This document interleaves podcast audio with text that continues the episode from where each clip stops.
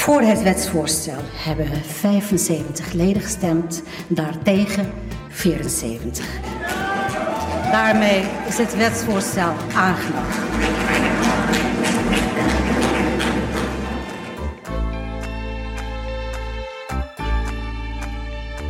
Dit is Kamervragen. Mijn naam is Jan van der Horst. Ik ben 20 jaar en werk bij de afdeling communicatie van de Tweede Kamer. Met mijn eigen vraag op zak neem ik je mee op mijn weg door de Haagse wandelgangen. Langs verschillende politieke gebeurtenissen, hoofdrolspelers en figuranten. En wie weet beantwoord ik daarmee ook gaandeweg jouw Kamervragen.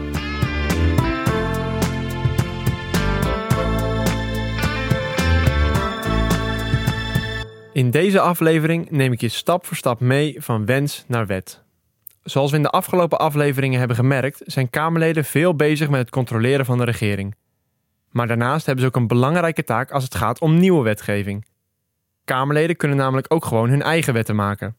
Tenminste, zo gewoon is dat niet. En makkelijk trouwens ook niet. Welke hordes moet je als Kamerlid nemen? En wie kan je daarbij helpen? Hoe ga je van wens naar wet? Om deze vragen te beantwoorden begin ik deze week met een Kamerlid met veel wetgevende ervaring. Ik eh, ben uh, Renske Leijten. Ik zit in de Tweede Kamer voor de SP sinds 2006, dus bijna 15 jaar.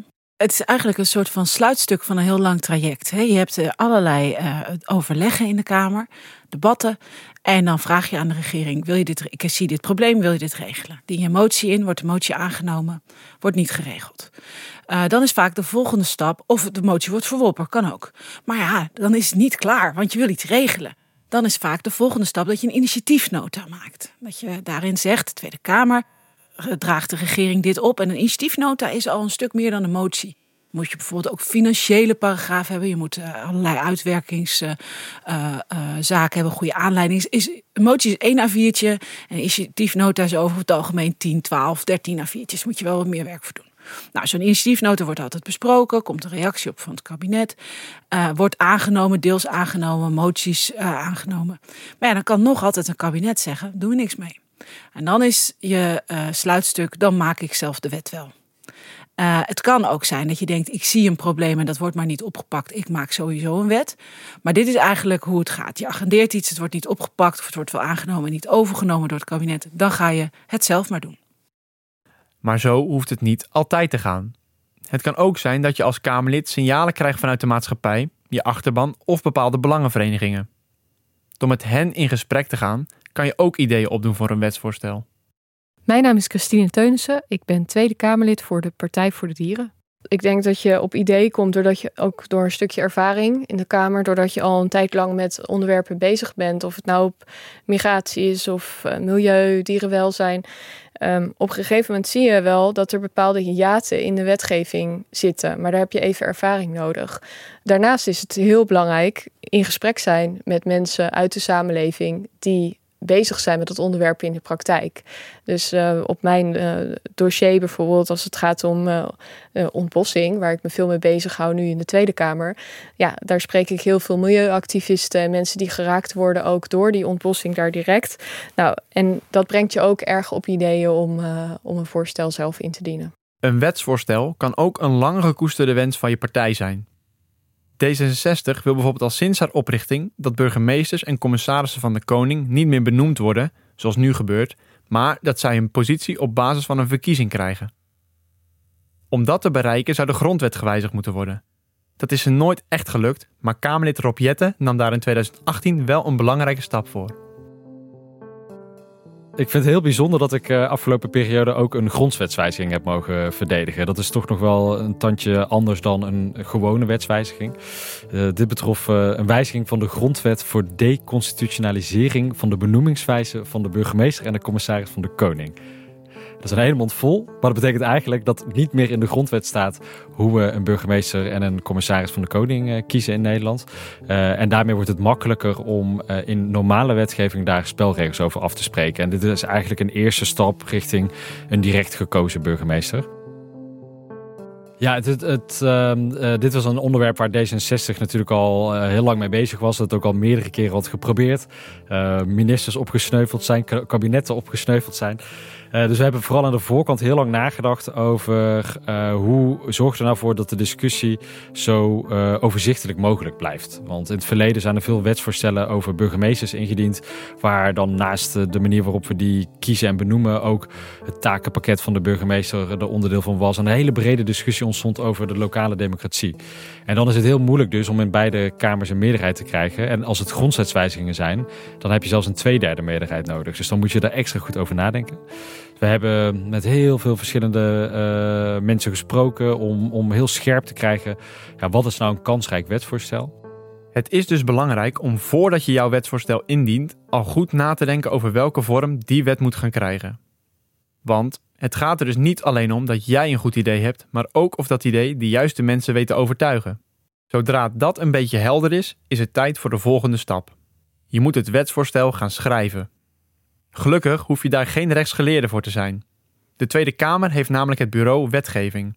Daar zitten wetgevingsjuristen klaar om jouw plan te vertalen naar een degelijk en goed geformuleerd wetsvoorstel. Wat je moet regelen is eigenlijk best wel veel. Je moet natuurlijk weten wat je wil. Uh, vervolgens ga je praten met Bureau Wetgeving. Dat is de juridische dienst van de Tweede Kamer. Dat is een algemene dienst voor alle Kamerleden die iets op uh, wetten willen. Uh, je kan namelijk ook een wet van de regering proberen te wijzigen met een amendement, dan ga je ook altijd voor het technische deel, dus de techniek, ga je naar bureau wetgeving. Bij een initiatiefwet ook. Ga je zitten met bureau wetgeving. Dit is eigenlijk wat ik wil. Nou, dan gaan zij eens even kijken van welke wet zou je dan moeten wijzigen. Moet het een nieuwe wet worden? Moet het een rijkswet zijn? Uh, uh, uh, nou, zij gaan als het ware de technische kant doen, de juridisch-technische kant. En de politieke kant, dat moet je zelf doen. Want je hebt bij een wet natuurlijk niet alleen de wettekst, maar je hebt ook altijd de aanleiding tot de wet. Hoe moet de wet eigenlijk, wat moet de wet eigenlijk, uh, waar moet die in voorzien? Waar, welk doel moet die leiden? En dat moet je dan politiek opschrijven. Uh, mijn naam is Roelof Bruls. Ik werk sinds september vorig jaar in de Kamer. Nadat ik eerst een keer stage heb gelopen bij Bureau Wetgeving. Daar ben ik wetgevingsjurist.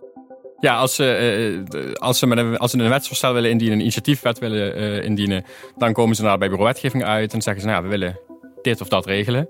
En dan uh, gaan we eerst eens kijken of het wetsvoorstel eigenlijk wel de meest logische route is eigenlijk. Want misschien is er al een wetsvoorstel wat ze, wat ze kunnen amenderen. En dan is een hele eigen wetstraject misschien niet nodig. Of misschien kun je, kun je een, een, een, toezegging afdwingen bij de minister. Maar uiteindelijk bepaalt het Kamerlid Dus als het Kamerlid een, een wetsvoorstel wil indienen, dan gaan we dat maken. Onder de nieuw gekozen Kamerleden zitten ook een aantal juristen. Zij zijn al bekend met het recht en de toepassing daarvan. Wat vinden zij belangrijk en welke ervaring nemen ze op dit gebied mee naar de Kamer? Ik ben Ulis Elian. Ik zit in de Kamer voor de VVD. Ik kom uit Almere en ik zit in de Kamer sinds 31 maart jongstleden. Wat ik probeer mee te nemen vanuit mijn achtergrond als eh, jurist, advocaat. Ik ben ook docent rechtsgeleerdheid geweest. In ieder geval dat, dat de kwaliteit van wetgeving, dat is nu natuurlijk ook super actueel. Dat wetgeving niet onnodig knellend moet zijn dat burgers voldoende rechtsbescherming moeten hebben. Dat, soort uitgangspunten probeer ik zelf natuurlijk mee te nemen. Maar wat natuurlijk wel heel handig is ook, ik heb in mijn portefeuille bijvoorbeeld uh, toekomst van uh, het systeem van de rechtsbijstand, de advocatuur, rechterlijke macht. Dan is het wel handig dat je zelf ook uh, voor je werk in een rechtszaal bent geweest. Dus ik hoop dat ik die ervaringen kan, kan meenemen. En wat bijvoorbeeld nu heel handig is, nou, ik moet binnenkort uh, een inbreng uh, geven over de wet buitengerechtelijke incassokosten. Ja, daar heb ik natuurlijk als advocaat heel veel mee te maken gehad. Dus dat is, wel, dat is wel handig. En daarmee hoop ik in ieder geval de ervaringen uit de praktijk. En ik heb als advocaat, dat is misschien goed om erbij te vertellen. Ik heb mensen bijgestaan met een kleine beurs, dus zogeheten toevoegingen. Ik heb grote ondernemingen bijgestaan. Ik heb kleine zaken gedaan, ik heb grote zaken gedaan. Dus ik heb een vrij uh, breed beeld ontwikkeld van uh, hoe, hoe, hoe de rechtsgang in Nederland, in ieder geval het civiele recht, uh, geregeld is en wat, wat mensen nodig hebben. Uh, dus ik hoop dat mee te kunnen nemen. Maar zelfs iemand met een juridische achtergrond kan nog steeds de hulp van bureau wetgeving gebruiken. Dat wetgeven is namelijk een hele nauwkeurige klus waar alles aan moet kloppen. ik denk dat de ondersteuning voor Kamerleden nodig is, omdat ze niet allemaal juridisch geschoold zijn. En zelfs, zelfs de juristen die er zijn, hebben meestal niet zozeer ervaring met wetgeven. Het, het is een apart vak, zou ik zeggen.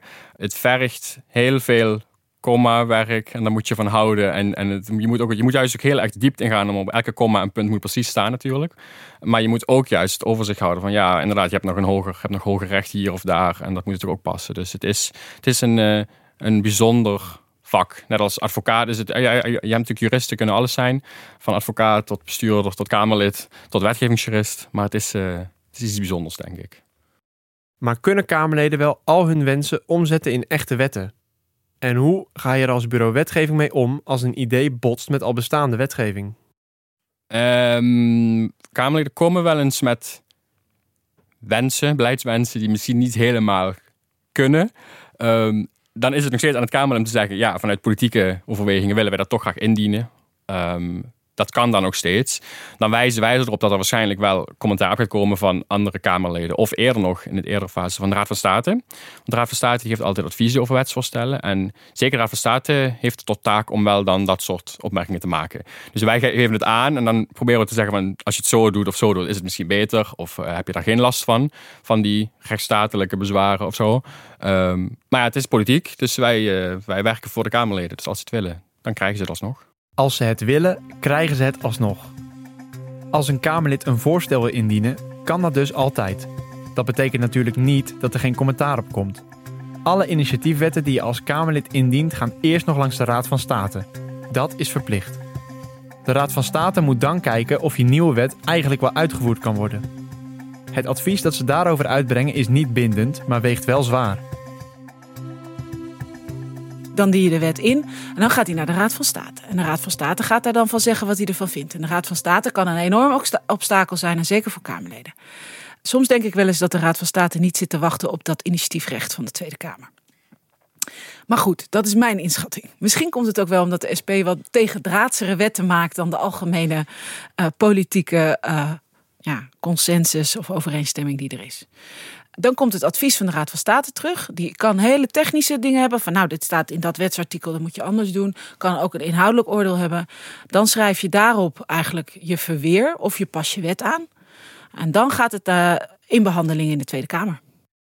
In de Tweede Kamer wordt het wetsvoorstel eerst behandeld in een commissie. Kamerleden die zich verdiept hebben in het onderwerp bespreken de wet hier inhoudelijk. Dit is ook de plek waar je je collega's ervan moet gaan overtuigen dat jouw wetsvoorstel een goed idee is. Om het door de Tweede Kamer te krijgen, moet je immers een meerderheid hebben. En die behandeling in de Tweede Kamer die zit in twee fases. De eerste fase is dat alle Kamerfracties dan vragen kunnen stellen. Dat heet het verslag. Daar moet je antwoord op geven. Dus dan ga je op al die vragen antwoord geven. Hoe werkt de wet en hoe zit het dan met dit? En heb je onderzoek gedaan? Nou, alle mogelijke vragen zijn aan de orde. Daar geef je antwoord op. Als die antwoorden er zijn, dan is nota naar aanleiding van verslag. Zo heet dat. Uh, dan kan uh, de commissie zeggen, nou is het rijp voor de bespreking in de plenaire zaal. Dat is de zaal met de blauwe stoeltjes. En dan ga je echt je wet verdedigen. Om dat te doen kom je als Kamerlid in de plenaire zaal in vak K te staan. De plek waar het kabinet meestal zit. Daar moet je je plannen verdedigen tegenover je collega's. Om dit proces wat makkelijker te maken, kan het helpen om samen te werken met andere partijen in de Kamer. Zo merkte ook Rob Jetten bij het indienen van de Klimaatwet. Ik heropen de vergadering. Aan de orde is het voorstel van wet van de leden Klaver, Ascher, Beckerman, Jetten, Dick Faber, Jesilgus Sigerius en Agnes Mulder, houdende een kader voor het ontwikkelen van beleid gericht op onomkeerbaar en stapsgewijs terugdringen van de Nederlandse emissies van broeikasgassen ten einde wereldwijde opwarming van de aarde en de verandering van het klimaat te beperken, oftewel klimaatwet. Het mooie aan de klimaatwet was dat we eigenlijk door heel veel partijen heen wel voelden dat we het eh, klimaatakkoord van Parijs wilden omzetten naar harde wettelijke doelen die eh, ook in Nederland zouden gelden. We hebben in Nederland natuurlijk een klimaatakkoord gemaakt. Daarin zijn afspraken gemaakt over hoe we aan die klimaatdoelen gaan eh, voldoen. Maar met de klimaatwet hebben we die doelen ook echt ja, afrekenbaar neergelegd.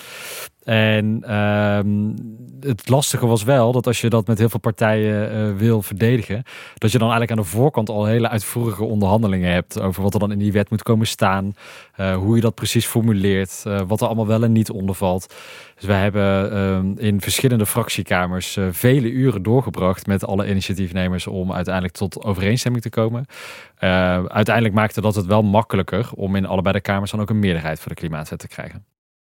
Voor het wetsvoorstel hebben, oh, het staat te hard. Voor het wetsvoorstel hebben 112 leden gestemd, daartegen 27. Het wetsvoorstel is aangenomen.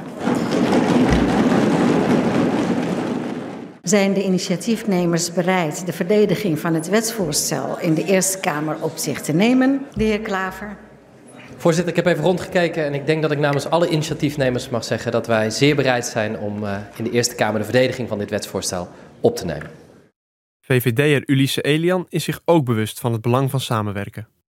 Samenwerken is denk ik een van de belangrijkste kwaliteiten die je moet hebben als volksvertegenwoordiger. Kijk, je vertegenwoordigt volgens de grondwet het hele Nederlandse volk.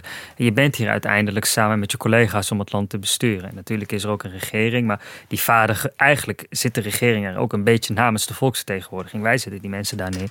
En natuurlijk heeft elke partij vanuit haar idealen een ander een andere oplossing. Maar het is de kunst om al die oplossingen bij elkaar te brengen. En daar ergens uiteindelijk, ja, het, het, het midden wil ik niet per se zeggen, maar een, een, gedragen oplossing te vinden.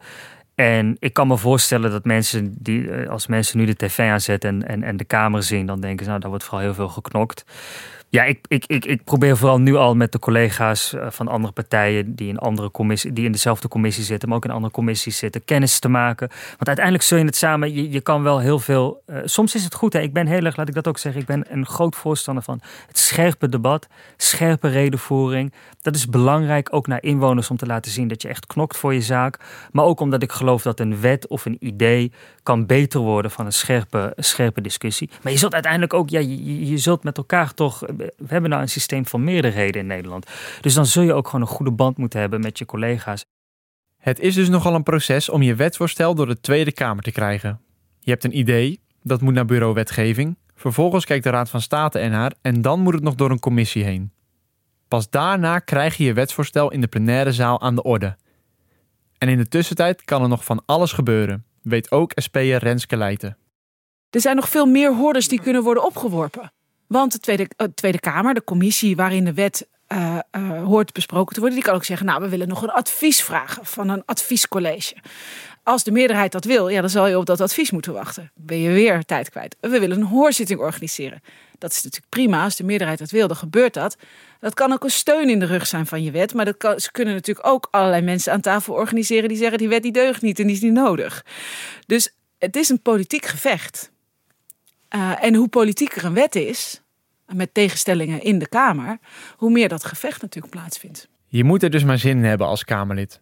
Een kleine wetswijziging kan al maanden werk kosten. En dan heb je niet eens de garantie dat je wetsvoorstel er ook echt doorheen komt. Ik denk wel dat, dat niet elk Kamerlid uh, geschikt is om initiatiefwetgeving te maken, om het even zo te zeggen. Ik denk, je hebt verschillende type Kamerleden. Je hebt Kamerleden die heel goed zijn in inspelen op de actualiteit. En via het vragenuurtje een minister ter verantwoording roepen. Of de, daarmee ook in de media heel duidelijk een, een stevig verhaal kunnen neerzetten. Er zijn Kamerleden die heel goed zijn in het controleren van, de, uh, van het kabinet. En het leuk vinden om echt helemaal tot in het kleinste detail dingen uit te zoeken. Daar hele lastige vragen over te stellen.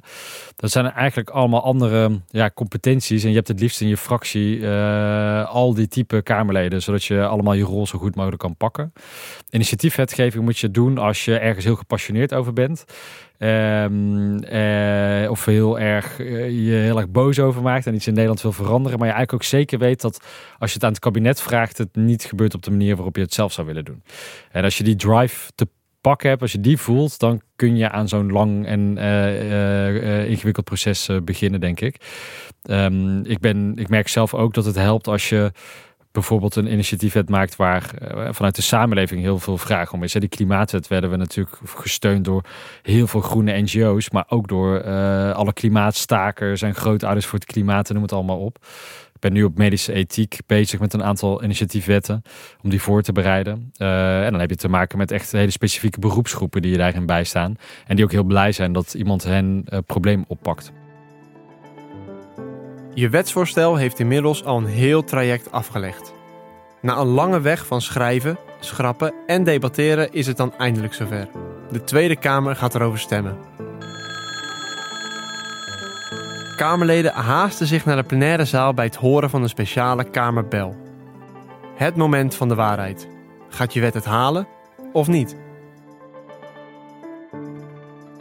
Voor dit wetsvoorstel hebben gestemd de SP, Partij van de Arbeid, GroenLinks, Partij voor de Dieren, DENK, 50PLUS, D66, VVD, SGP, CDA, ChristenUnie, PVV, Forum voor Democratie.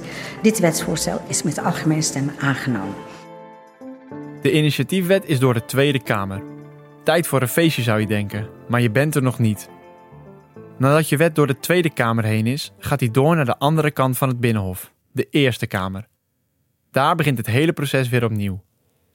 De behandeling van de wet lijkt op die van de Tweede Kamer, maar kent wel een inhoudelijk verschil. De Eerste Kamer kent ook een hele andere sfeer. Die kijken naar andere dingen in een wet. In de Tweede Kamer kijken ze toch ook vooral de politieke noodzaak. Uh, past dat in systemen, in stelsels? In de Eerste Kamer, dat doet de Tweede Kamer ook wel, maar de Eerste Kamer nog eigenlijk als extra toets kijken ze, is dit juridisch wel houdbaar? Als je voor de rechter komt, gaat hij dan niet sneuvelen? Uh, regel je het wel helemaal goed? Hè? Is er niet een ontsnappingsmogelijkheid? En ook daar geldt natuurlijk dat hoe politieker een wet is, hoe moeilijker de vragen zullen zijn die ze je opwerpen. En zeker in dit geval was dat eigenlijk in de Eerste Kamer wel veel spannender dan in de Tweede Kamer. Dus ik heb echt maandenlang besteed aan uh, de, de schriftelijke vragenrondes met de senatoren. Veel koffie drinken met senatoren. En ook ja, je voorbereiding op dat debat is wel echt anders dan wanneer je in de Tweede Kamer staat. Christine Teunissen, die nu Tweede Kamerlid is voor de Partij voor de Dieren, was zo'n senator. Namens de Eerste Kamer keek zij dus kritisch naar de gespannen ministers en Kamerleden die hun plannen presenteerden. Kijk, dan komen we dus bij de plenaire behandeling. En dan gaat het zo dat een minister of een staatssecretaris die, die dat voorstel heeft gemaakt, die komt daar in de Kamer om het voorstel te verdedigen. En uh, dat moet je voorstellen dat alle fracties dus um, daar hun bijdrage leveren, hun visie geven op het voorstel en dat de minister vragen stellen en de minister moet daarop uh, antwoorden. En als zij dan vervolgens de Kamerleden ervan overtuigt dat het nog steeds een goed voorstel is, dan wordt die ook door de Kamer aangenomen. Het is ook zo dat Tweede Kamerleden zelf een wetsvoorstel kunnen indienen, zoals ik net ook al zei. En die, um, zodra zo'n voorstel voor plenaire behandeling uh, op de agenda komt, dan komen dus Tweede Kamerleden naar de Eerste Kamer om hun wetsvoorstel te verdedigen. En dat gaat dus precies hetzelfde. Zij nemen dan de rol in die normaal gesproken de minister of de staatssecretaris inneemt. Ja, het is allereerst als je als initiatiefnemer een wet uh, mag verdedigen en je staat uh, in eerste instantie in de Tweede Kamer in vak K, dan voelt het al heel bijzonder. Want ik denk dat alle 150 Kamerleden weten dat initiatiefwetgeving gewoon veel werk kost. Um, um, en, maar wel een heel belangrijk recht ook is van ons als Kamerleden dat we dat ook kunnen doen. Dus er is altijd heel veel waardering voor je werk, voor het feit dat je het überhaupt op je hebt genomen. Even los van de vraag of dat mensen je wetsvoorstel ook willen steunen of niet. Maar in de Tweede Kamer ken je natuurlijk de collega's. Dus je weet een beetje hoe ze gaan debatteren, hoe ze je gaan bevragen, hoe je daar zelf ook op kan inspelen. En dat is bij die Senaat is dat moeilijker te voorspellen. Tenminste, ik kende zelf niet veel van de senatoren ook persoonlijk. Um, en uh, ja, het is de Eerste Kamer presenteert zichzelf natuurlijk ook als de, de, de chambre de réflexion. Hè? De, de Kamer die nog eens even heel goed nadenkt over of dat we in de Tweede Kamer wel goed ons werk hebben gedaan. Dus ik, ik, uh, ik heb daar heel alert zitten luisteren, vooral naar het debat van wat vragen ze nou precies. En wat is de vraag die daarachter zit en hoe kan ik daar dan ook zo goed mogelijk antwoord uh, op geven. Ik denk wel dat als je eenmaal aan het bezig bent in het debat, dat dat hele idee van ook oh, ik sta als Kamerlid in vak de plek waar normaal een minister staat, dat ben je wel snel kwijt, omdat je gewoon heel erg geconcentreerd uh, antwoord moet geven op alle vragen. Het is heel leuk om daar te staan. Uh, omdat je ook een hele andere houding hebt. Hè? Uh, op het moment dat je de regering bevraagt, dan kan het ook nog wel eens heel erg direct zijn. Terwijl op het moment dat je een wet verdedigt, moet je natuurlijk proberen iedereen naar je toe te halen. Dus dan moet je een andere houding hebben. Uh, wat sommige ook mensen wel verrast. Dat ze dan zeggen: Goh, mevrouw Leijten, we kennen u toch al snoeihard. En nu was u de redelijkheid zelf. Maar ja, dat komt natuurlijk omdat je daar met zekerheid staat. Je wet noodzakelijk vindt, relevant vindt. En dat wil je natuurlijk wel uitleggen. Het lijkt misschien wat veel om een wetsvoorstel door de twee verschillende kamers heen te laten gaan. Maar die extra toetsing door de Senaat is er niet voor niets. De Eerste Kamerleden kijken toch naar andere dingen als zij zo'n wet behandelen. Daar lette Christine Teunissen ook op. Zeker, ja. Want kijk, je toetst bijvoorbeeld op de rechtmatigheid. Dus past zo'n wetsvoorstel in verhouding tot alle andere bestaande regels en wetten die wij hebben. Uh, maar ook in Nederland hebben wij geen constitutioneel hof. Dat wil zeggen, we toetsen wetsvoorstellen, worden niet door een rechterlijk hof uh, getoetst aan de grondwet. Dat is de functie. Die, die functie heeft de Eerste Kamer. Dus daar zit ook een grote verantwoordelijkheid. Past de wetgeving, de nieuwe wetten die wij hier maken in Nederland. Um, zijn die in lijn met onze grondwet? En dat is een hele belangrijke functie van de Eerste Kamer. Dus ja, het is een grote verantwoordelijkheid. Maar die verantwoordelijkheid die delen wij natuurlijk met uh, alle wetgevende machten. Dus ook met de Tweede Kamer en ook, uh, ja, ook uh, nou ja, alles, alles wat daar omheen zit. Dus ook degene die het initiatiefvoorstel indient en met de Raad van State. Maar uiteindelijk heeft inderdaad de Eerste Kamer daarin een grote verantwoordelijkheid. Ik verzoek de leden zo dadelijk duidelijk hun stem met het woord voor dan wel tegen uit te brengen zonder enige bijvoeging. De stemming begint bij nummer 64 op de stemmingslijst. Dat is de heer Schalk, die is niet aanwezig. Dus wij beginnen dan bij nummer 65, mevrouw Sent. De heer Van Strien. Mevrouw Veldhoen. Vendrik. En dan nu. Het was een flinke reis, maar het is gelukt. De initiatiefwet is door de Tweede en de Eerste Kamer gekomen. Na de handtekening van de koning kan de kerstverse wet van start. Gaat er dan een fles bubbels open op de fractiekamer? Nou, dat doen wij wel eens bij uh, initiatiefwetten. D66 is uh, denk ik de afgelopen nou, tien jaar misschien wel uh, de meest actieve fractie geweest als het gaat om aantallen initiatiefwetten die we hebben ingediend. dus we vieren dat dan ook wel vaak als zo'n wet wordt aangenomen. Dat doen we soms met een taartje, soms met een borrel. Um, in het geval van die grondwetswijziging um, heb ik het behoorlijk ingetogen gevierd, moet ik wel eerlijk bekennen. Uh, een, foto van die stemming staat ook nog steeds op mijn bureau. Dat is een foto dat ik samen met minister Ollongren, die namens het kabinet bij die uh, wetsbehandeling was. Dan zie je ons allebei ja, wel, denk ik, trots naar elkaar kijken, maar proberen ook ingetogen te zijn, omdat het een best wel stevig en emotioneel debat was op sommige momenten. En we ook wisten dat in een aantal fracties er heel veel discussie was geweest. En als je dan in de Eerste Kamer in, in Valka naar de uitslag van de stemming luistert en je gaat daar echt zitten juichen, dan trap je misschien ook onnodig op wat uh, tenen. En ik heb ook na aflopen zijn er senatoren van bepaalde partijen naar me toegekomen die zeiden dank dat jullie dat uh, op een beetje een waardige manier uh, hebben gevierd zonder hard te gaan juichen. dus daar moet je dan ook alweer een beetje rekening mee houden. maar wat ik wel altijd doe bij initiatiefwetgevingen zijn vooral medewerkers van, van de fractie, maar ook van bureau wetgeving van de Tweede Kamer, die je dan echt echt uitstekend uh, bijstaan en helpen. Uh, en uh, die er soms ook eigenlijk ja, minstens zoveel tijd in hebben zitten als het Kamerlid zelf. Om het dan vooral in klein comité even te vieren en hen te bedanken voor al dat harde werk. En zo'n overwinning is natuurlijk niet alleen leuk voor jouzelf als Kamerlid. De mensen die je vertegenwoordigd zijn, als het goed is, ook blij met het resultaat. En dat is precies de wetgevende taak van de Kamer. Inspelen op ontwikkelingen in de samenleving en je laten inspireren door je achterban wetsvoorstellen indienen en nieuwe wetten maken. Het zijn belangrijke middelen om invulling te geven aan de Nederlandse democratie.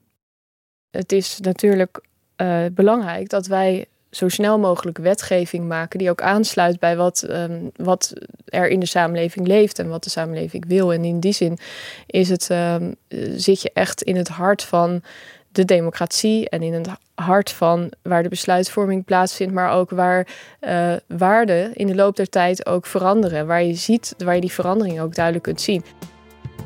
In de volgende aflevering van Kamervragen gaan we het hebben over Kamerleden en hun nieuwe rol als publiek figuur. Als volksvertegenwoordiger sta je volop in de schijnwerpers. Hoe is het om ineens een bekend gezicht te zijn? Je hoort het niet volgende week, maar de week daarna. Oh ja, we hebben na de laatste aflevering nog een bonusaflevering met een nieuwe Kamervoorzitter, Vera Bergkamp. Wil jij nog iets weten over het werk in de Tweede Kamer? Stuur ons een DM en wie weet komt jouw vraag terug in de laatste speciale aflevering. Dit was de vierde aflevering van Kamervragen, een podcast vanuit de Tweede Kamer. Mijn naam is Jan van der Horst. Wil je meer weten over de Tweede Kamer? Ga dan naar onze website tweedekamer.nl. En vond je deze aflevering leuk? Deel hem dan vooral met vrienden, familie of de medewerkers van je favoriete kledingwinkel. Tot de volgende keer.